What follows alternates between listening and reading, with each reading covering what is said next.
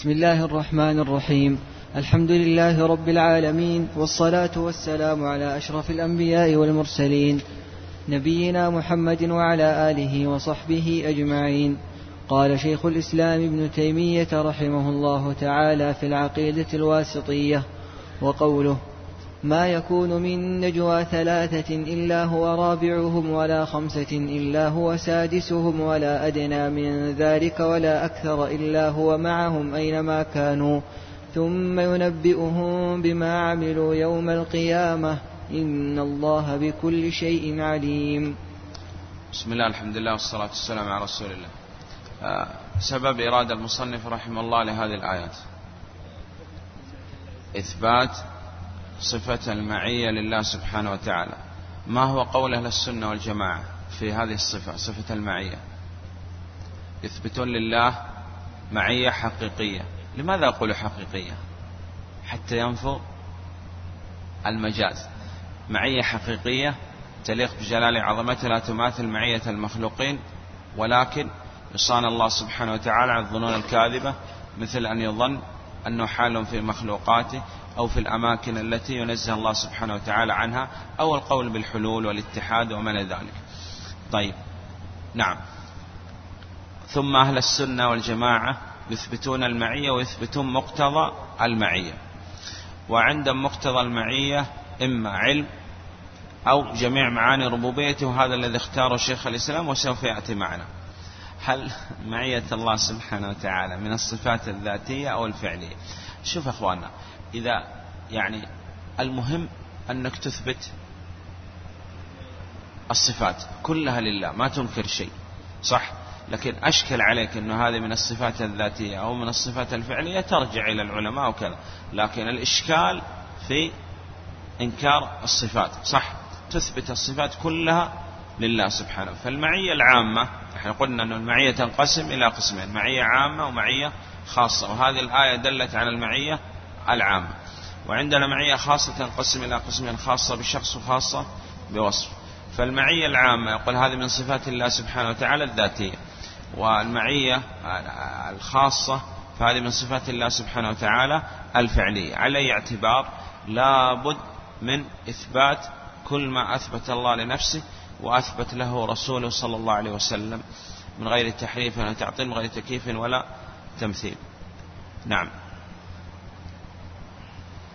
يقول ما يكون من نجوى ثلاثة إلا هو رابعهم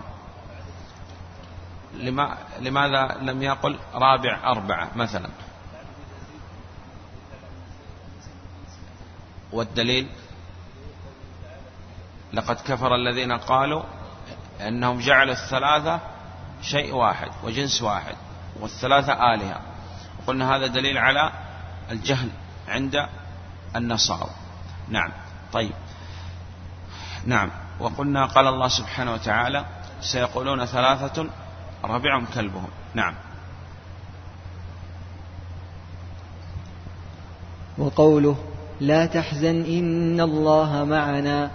هذه هذه الآية أوردها المصنف رحمه الله لإثبات المعية الخاصة بشخص أي بالنبي عليه الصلاة والسلام والصديق رضي الله عنه. وابن القيم يقول أنها تصلح أيضا نعم معية خاصة بوصف وأن كل من كان أي شخص يعني يزيد عليه أن من كان مع الله سبحانه وتعالى لا يحزن. قلنا هذا فيه رد على الرافضة لأن الدين الإسلامي جاء لإسعاد الأمة. نعم وإسعاد الخلق. نعم.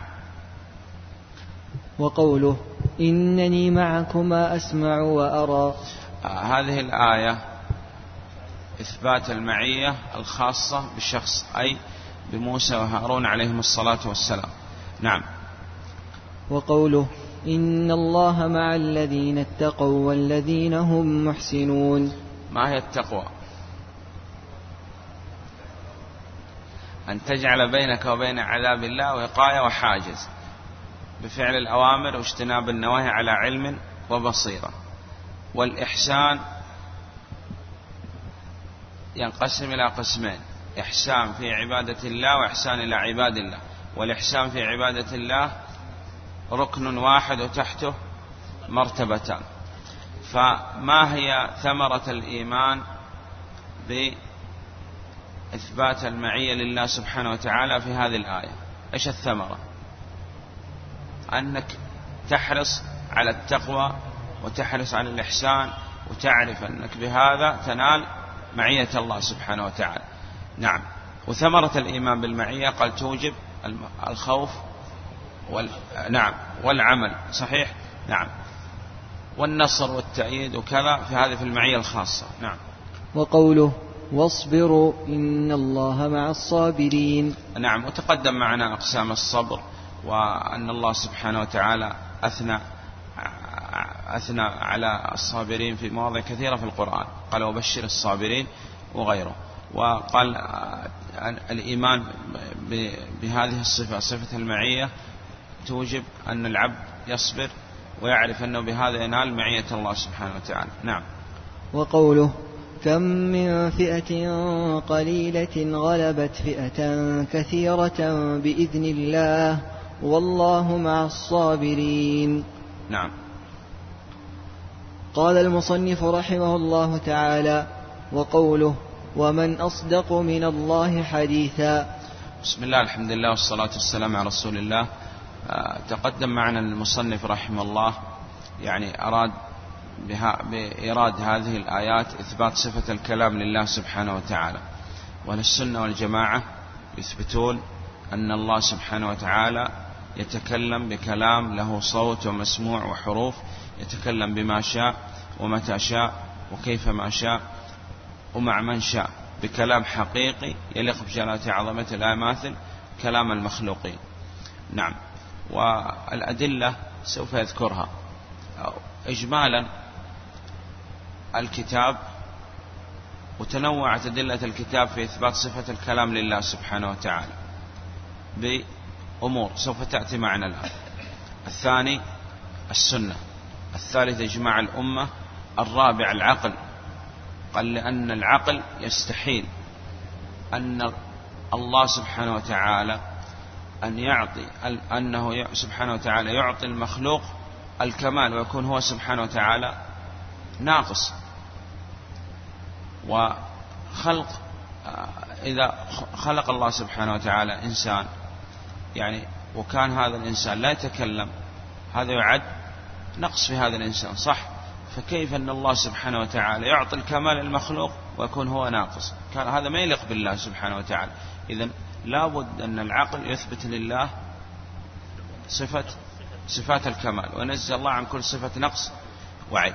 ومنها قلنا قول إبراهيم عليه الصلاة والسلام يا أبتي لما تعبد؟ ما لا يسمع ولا يبصر. ولا يغني عنك شيئا. نعم. طيب.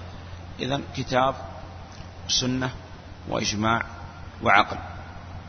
وتنوعت أدلة الكتاب في إثبات صفة الكلام لله سبحانه وتعالى. وسوف يعني قلنا أن المصنف أطال في هذا الباب. وذكر أدلة كثيرة لأن كثر الخوض والجدال في هذا الباب بخاصة في أن القرآن كلام الله سبحانه وتعالى.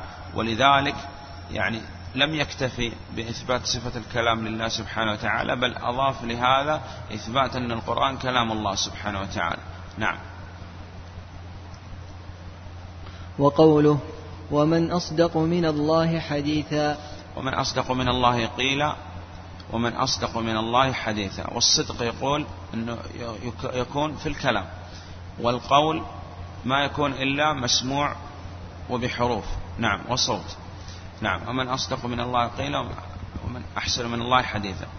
وتقدم معنا أن عناصر الدلالة والإفهام أربعة. الأول علم والثاني بيان وفصاحة والثالث صدق. وهذا والرابع إرادة الهداية. وقلنا هذه ثبتت في كلام الله وكلام الأنبياء والرسل عليهم الصلاة والسلام. نعم. صدق وبيان وفصاحة. نعم. وقوله ومن أصدق من الله قيلا. نعم. وقوله وإذ قال الله يا عيسى ابن مريم. وإذ قال الله القول هنا يكون بكلام مسموع وصوت وحروف. وعيسى عليه الصلاة والسلام سمع كلام الله سبحانه وتعالى. نعم. وقوله وتمت كلمة ربك صدقا وعدلا. وتمت كلمة ربك وكلمة هنا مفردة لكن المفرد إذا أضيف يعم كل كلام الله سبحانه وتعالى. يقول الشيخ وفي يعني قراءة كلمات الله. طيب كلمات في رواية في قراءة يقول الله أعلم يعني هل هذه القراءة يعني ثابتة أم شاذة؟ قال وتمت كلمة ربك. وهذا في إثبات صفة الكلام لله سبحانه وتعالى. صدقا وعدلا. وتقدم معنا أن القرآن يوصف بأنه كله محكم. والإحكام فيه تفسر هذه الآية أن أنه صدق في الأخبار لا كذب وعدل في الأحكام لا جور ولا ظلم. نعم. صدقا وعدلا وقلنا الكلام يوصف بأنه صدق أو كذب وهذا دليل على إثبات صفة الكلام لله سبحانه وتعالى. نعم. وقوله وكلم الله موسى تكليما. وكلم الله موسى عليه الصلاة والسلام. ثم أكد هذا الكلام حتى لا يتأول متأول وقال تكليما هذا تأكيد. لأن بأن الله سبحانه وتعالى كلم موسى عليه الصلاة والسلام. والكلام يكون بصوت ومسموع وحروف. وموسى عليه الصلاة والسلام سمع كلام الله سبحانه وتعالى. نعم. وعندما جاء بعض الناس وحرفوا هذه الآية وجعلوا الذي تكلم موسى وقرأوا الآية وحرفوا في لفظها وقالوا وكلم الله بنصب لفظ الجلالة. قال لهم بعض العلماء ما تقولون في قوله وكلمه ربه لأن هذه لا يمكن أن تؤول بأي حال من الأحوال. ويعني الله أعلم أنه المصنف رحمه الله ذكر هذه الآية ثم ذكر بعدها وكلمه ربه. نعم والكلام يكون بالصوت ومسموع وحروف. نعم. وقوله منهم من كلم الله. منهم يعني من الأنبياء الرسل عليهم الصلاة والسلام من كلم الله ومنهم موسى عليه الصلاة والسلام. نعم. وقوله ولما جاء موسى لميقاتنا وكلمه ربه. وهذا فيه دليل على ما ذكرنا من معتقد أهل السنة والجماعة أن الله سبحانه وتعالى يتكلم بصوت مسموع وحروف يتكلم متى شاء يعني الكلام متعلق بمشيئة الله سبحانه وتعالى. فقال الكلام صفة ذاتية فالله سبحانه وتعالى موصوف بأنه يتكلم متى شاء بما شاء بكلام حقيقي يليق بجلالة عظمته لا يماثل كلام المخلوقين صفة ذاتية. ومن حيث أن الله سبحانه وتعالى كلم موسى عليه الصلاة والسلام فهذا متعلق بالمشيئة فهو صفة فعلية. مثاله الخلق. فالله سبحانه وتعالى خالق. فهذه صفة ذاتية ومن حيث أن الله سبحانه وتعالى خلق آدم عليه الصلاة والسلام بيده فهذه صفة فعلية. فقال قد تكون الصفة ذاتية فعلية. نعم. باعتبارين. نعم. ولم ولما جاء موسى لميقاتنا وكلمه ربه قلنا هذه الآية رد بها أهل السنة والجماعة على من يحرف قول الله سبحانه وتعالى وكلم الله موسى بنصب. لفظ الجلال. وكلم الله. نعم. وقوله وناديناه من جانب الطور الأيمن وقربناه نجيا. وناديناه النداء يقول للبعيد والمناجاة تكون للقريب والمناداة والمناجاة تكون بصوت وحروف مسموعة. وسمع موسى عليه الصلاة والسلام كلام الله وهذه من الأدلة على إثبات صفة الكلام لله سبحانه وتعالى. وفيه منقبة لموسى عليه الصلاة والسلام لأنه كليم الله. لكن قال في الآية التي تقدمت معنا منهم من كلم الله. يعني هذا ليس خاص بموسى عليه الصلاة والسلام. لكن يقول بعض العلماء أن الله سبحانه وتعالى آه، ابتدأ الوحي لموسى عليه الصلاة والسلام بأن الله سبحانه وتعالى كلمه مباشرة. صحيح؟ نعم. بعد. وقوله وإذ نادى ربك موسى أن ائت القوم الظالمين. وإذ نادى ربك وتقدم معنا أن النداء يكون بصوت وحروف ومسموع والنداء يكون للبعيد. وهذا في إثبات صفة الكلام لله سبحانه وتعالى وجه اللائق به. وإذ نادى رب وإذ نادى ربك وقلنا هذه عبودية خاصة الخاصة. وإذ نادى ربك موسى أن ائت عليه الصلاة والسلام أن ائت القوم الظالمين. نعم. وموسى عليه الصلاة والسلام سمع كلام الله سبحانه وتعالى. نعم. وقوله وناداهما ربهما ألم أنهكما عن تلكما الشجرة؟ هذا في آدم عليه الصلاة والسلام وحواء. نعم. والنداء قلنا يكون بصوت وحروف ومسموع يكون للبعيد والمناجاة للقريب. نعم. وقوله ويوم يناديهم فيقول ماذا أجبتم المرسلين؟ لابد يقول بعض العلماء أن تحرر لهذا جواب يوم القيامة أن الله سبحانه وتعالى سائلك يوم القيامة. هل الأنبياء والرسل عليهم الصلاة والسلام أدوا الأمانة ونصحوا الأمة وبلغوا وجاهدوا في الله حق جهاده لابد تقول نعم. سائلك الله سبحانه وتعالى يوم القيامة ماذا صنعت في هذا الذي جاء به الأنبياء والرسل عليهم الصلاة والسلام؟ هل تعلمت ما جاء به الأنبياء والرسل عليهم الصلاة والسلام هل عملت به؟ هل دعوت إليه؟ سائلك الله سبحانه وتعالى ويناديهم فيقول ماذا وال فيقول هذا إثبات صفة كلام لله سبحانه وتعالى. فيقول ماذا أجبتم المرسلين؟ هل صدقت ما جاء به الأنبياء والرسل؟ هل تعلمتوه هل عملت به؟ هل دعوت إليه؟ ويوم يناديهم فيقول ماذا أجبتم المرسلين؟ نعم. وقوله وإن أحد من المشركين استجارك فأجره حتى يسمع كلام الله. آه، المصنف رحمه الله الآن بدأ بسرد الآيات في إثبات أن القرآن كلام الله سبحانه وتعالى وقلنا لم يكتفي بما تقدم لأنه لو اقتصر على ما تقدم من الآيات من إثبات صفة الكلام لله سبحانه وتعالى والكتب المنزلة من السماء كلها كلام الله سبحانه وتعالى.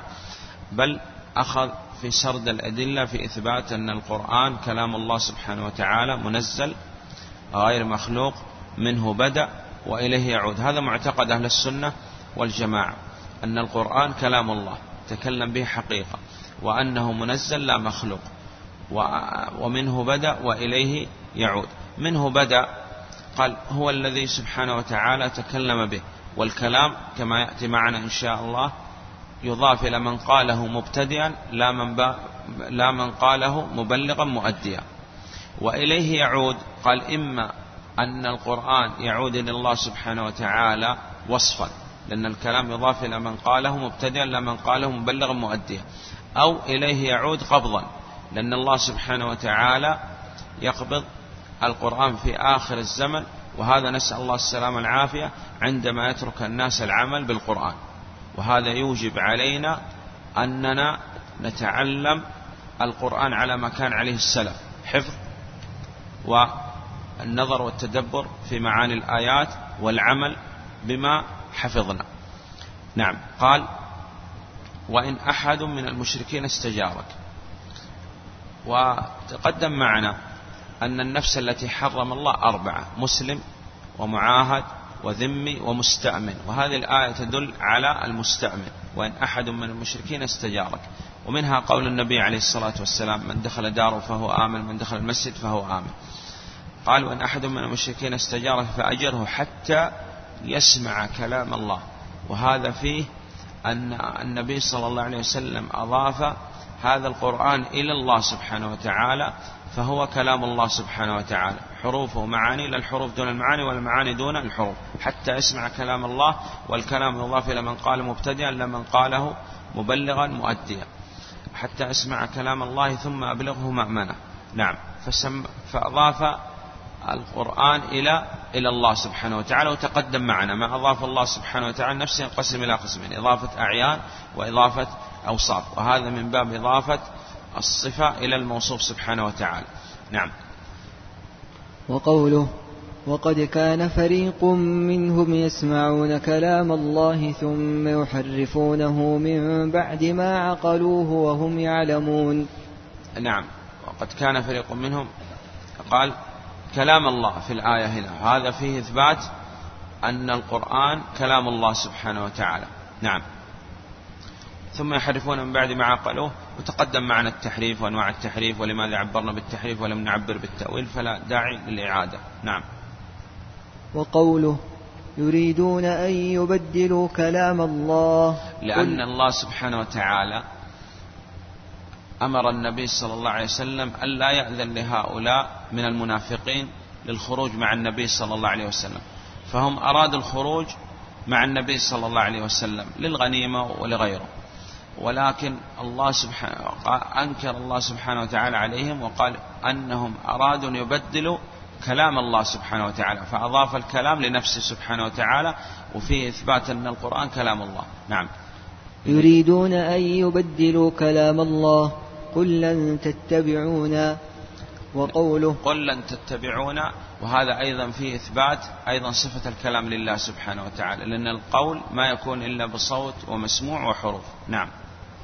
وقوله واتل ما أوحي إليك من كتاب ربك لا مبدل لكلماته. قال أمر الله سبحانه وتعالى النبي صلى الله عليه وسلم أن يتلو هذا القرآن. وأهل السنة والجماعة قلنا يرد على من يقول أن القرآن مخلوق بأمور. الأول أن الله سبحانه وتعالى قال ألا له الخلق والأمر فغاير بين المخلوقات وبين أوامر الله سبحانه وتعالى. وقال الله سبحانه وتعالى أيضا وكذلك أوحينا إليك روحا من أمرنا. فقال الذين يقولون أن كلام الله سبحانه وتعالى مخلوق يعني ترد عليهم هذه الآية. ولا يمكن أن يكون هذا معنى الآية أنه هذا مخلوق بل هو وحي من الله سبحانه وتعالى الثالث يقول أن من قال أن كلام الله سبحانه وتعالى مخلوق معنى هذا أننا لا نعمل بالقرآن يعني فعل الأوامر اجتناب النواهي لماذا؟ قال لأنه لو كان القرآن مخلوق فهو مثل الشمس والقمر الآن الشمس والقمر تأخذ منها أمر نهي أه؟ لا إذا عطلنا القرآن أن يكون أوامر ونواهي مثله مثل الشمس والقمر. الشمس والقمر من مخلوقات الله سبحانه وتعالى صح؟ نعم.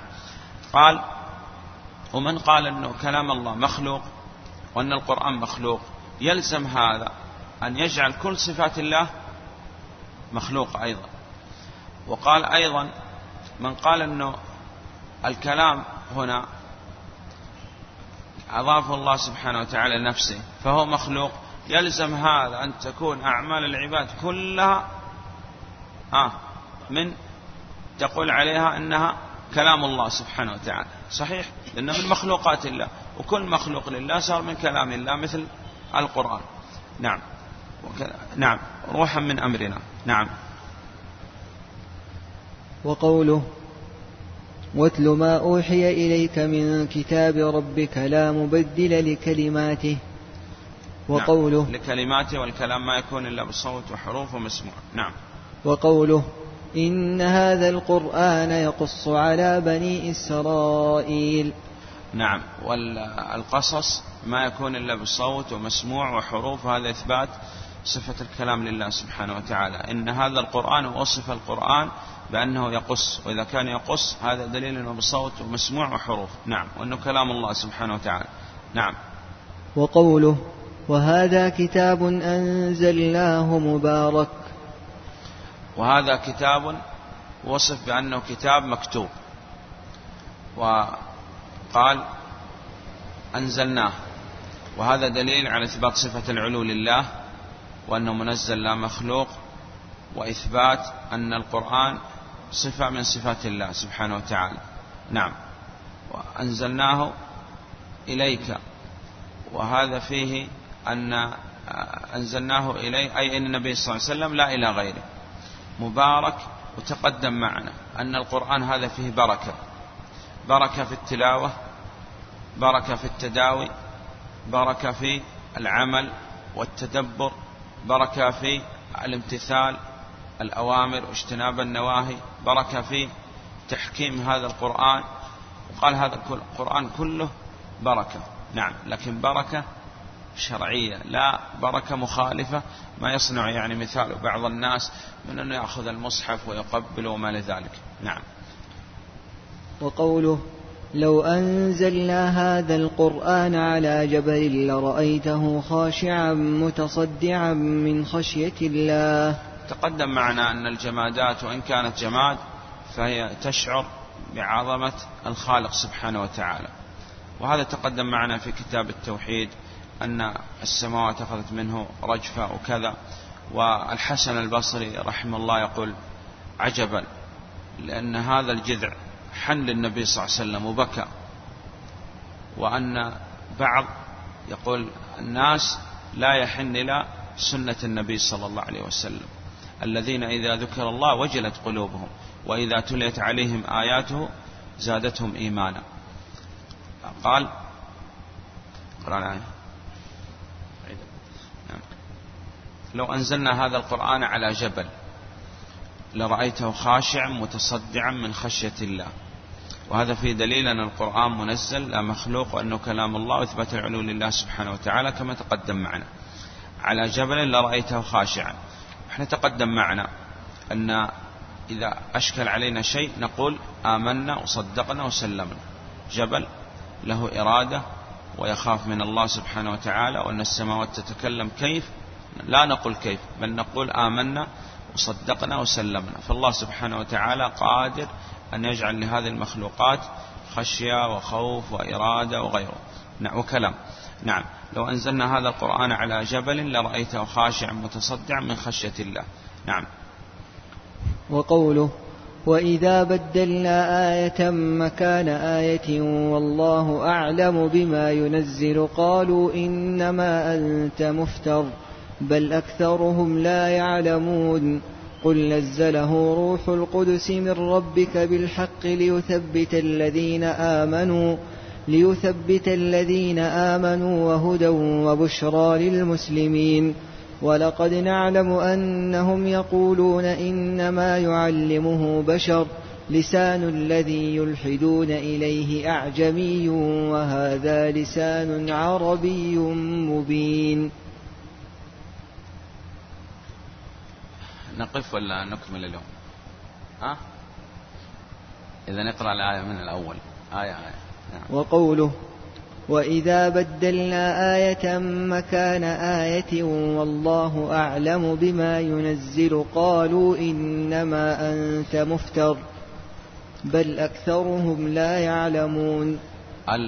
النبي صلى الله عليه وسلم قال من الأدلة على أن النبي صلى الله عليه وسلم أن هذا القرآن لا لم يأتي به من من نفسه بل جاء به من عند من عند الله سبحانه وتعالى. قال هذه الآية أن الله سبحانه وتعالى من اقتضت حكمة الله سبحانه وتعالى أنه يأمر بأمر ثم يأتي ما ينسخ هذا الأمر. ما ننسخ من آية أو ننسها وتقدم معنا أن النسخ قال جائز شرعا وعقلا لأن اقتضت حكمة الله سبحانه وتعالى أن ينسخ هذا الحكم. مفهوم؟ نعم. والرد على اليهود وغيرهم. قال الكذاب إذا جاءك يوم بقصة كذب. لابد في اليوم الثاني أو ما بعد هذه القصة أن لا يغير القصة الأولى. صحيح؟ أن يأتي بنفس القصة. وإلا عرفت أنه كاذب. نعم. قال دليل من الأدلة على صدق النبي صلى الله عليه وسلم أنه يأتي بالأحكام من عند الله سبحانه وتعالى ويقول هذا الحكم نسخ. صحيح؟ بل أكثرهم لا يعلمون أن النبي صلى الله عليه وسلم صادق لأنه لو كان كاذب كان لا يغير الأحكام بل هو مبلغ عن الله سبحانه وتعالى. والله أعلم بما ينزل وقلنا هذا في إثبات العلو وأن كلام الله سبحانه وتعالى وأن إثبات إثبات العلو وأنه منزل لا مخلوق وإثبات أنه كلام الله سبحانه وتعالى. قالوا إنما أنت مفتر بل أكثرهم لا يعلمون أن الكذاب لا يمكن أن يأتي بشيء يخالف ما ذكر لأن هذا دليل على الكذب. نعم. قل نزله روح القدس من ربك بالحق ليثبت الذين آمنوا وهدى وبشرى للمسلمين. قل نزله روح القدس أي جبريل عليه الصلاة والسلام من ربك وهذا دليل على إثبات أن القرآن يضاف إلى من قاله مبتدئا لمن قاله مبلغا مؤديا. بالحق وأن هذا القرآن كله حق لأن الله سبحانه وتعالى هو الحق ولا يصدر عن الحق إلا الحق.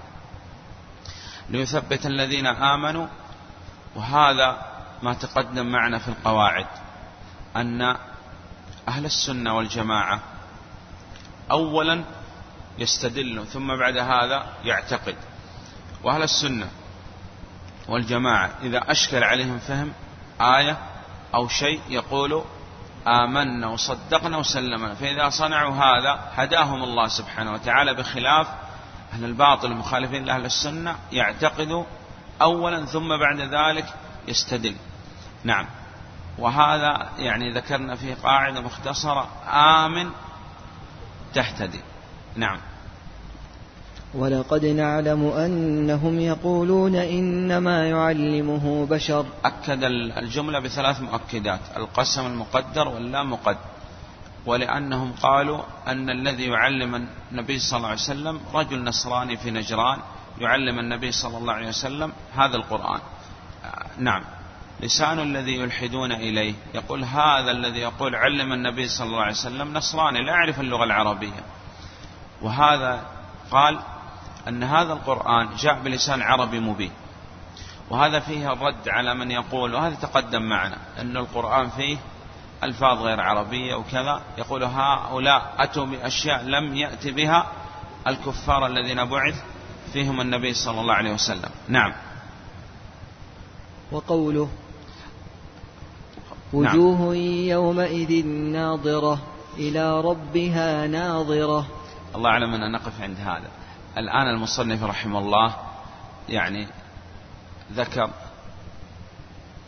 إثبات رؤية المؤمنين لربهم يوم القيامة وفي الجنة على ما شاء الله سبحانه وتعالى. آه، أشكل على بعض الناس يعني هل هذا يعني المصنف رحمه الله ذكر الصفات ثم ذكر هذا الأمر أنه من عقيدة أهل السنة والجماعة أن أن أن المؤمنين يرون الله سبحانه وتعالى يوم القيامة في الجنة على ما شاء الله سبحانه وتعالى.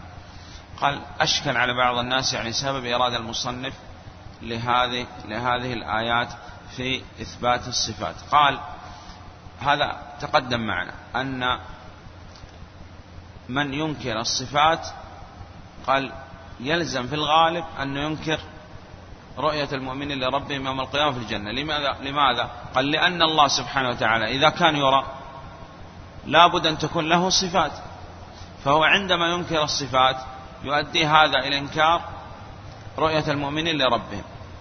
وقال هذا من الأدلة على إثبات الصفات لله سبحانه وتعالى.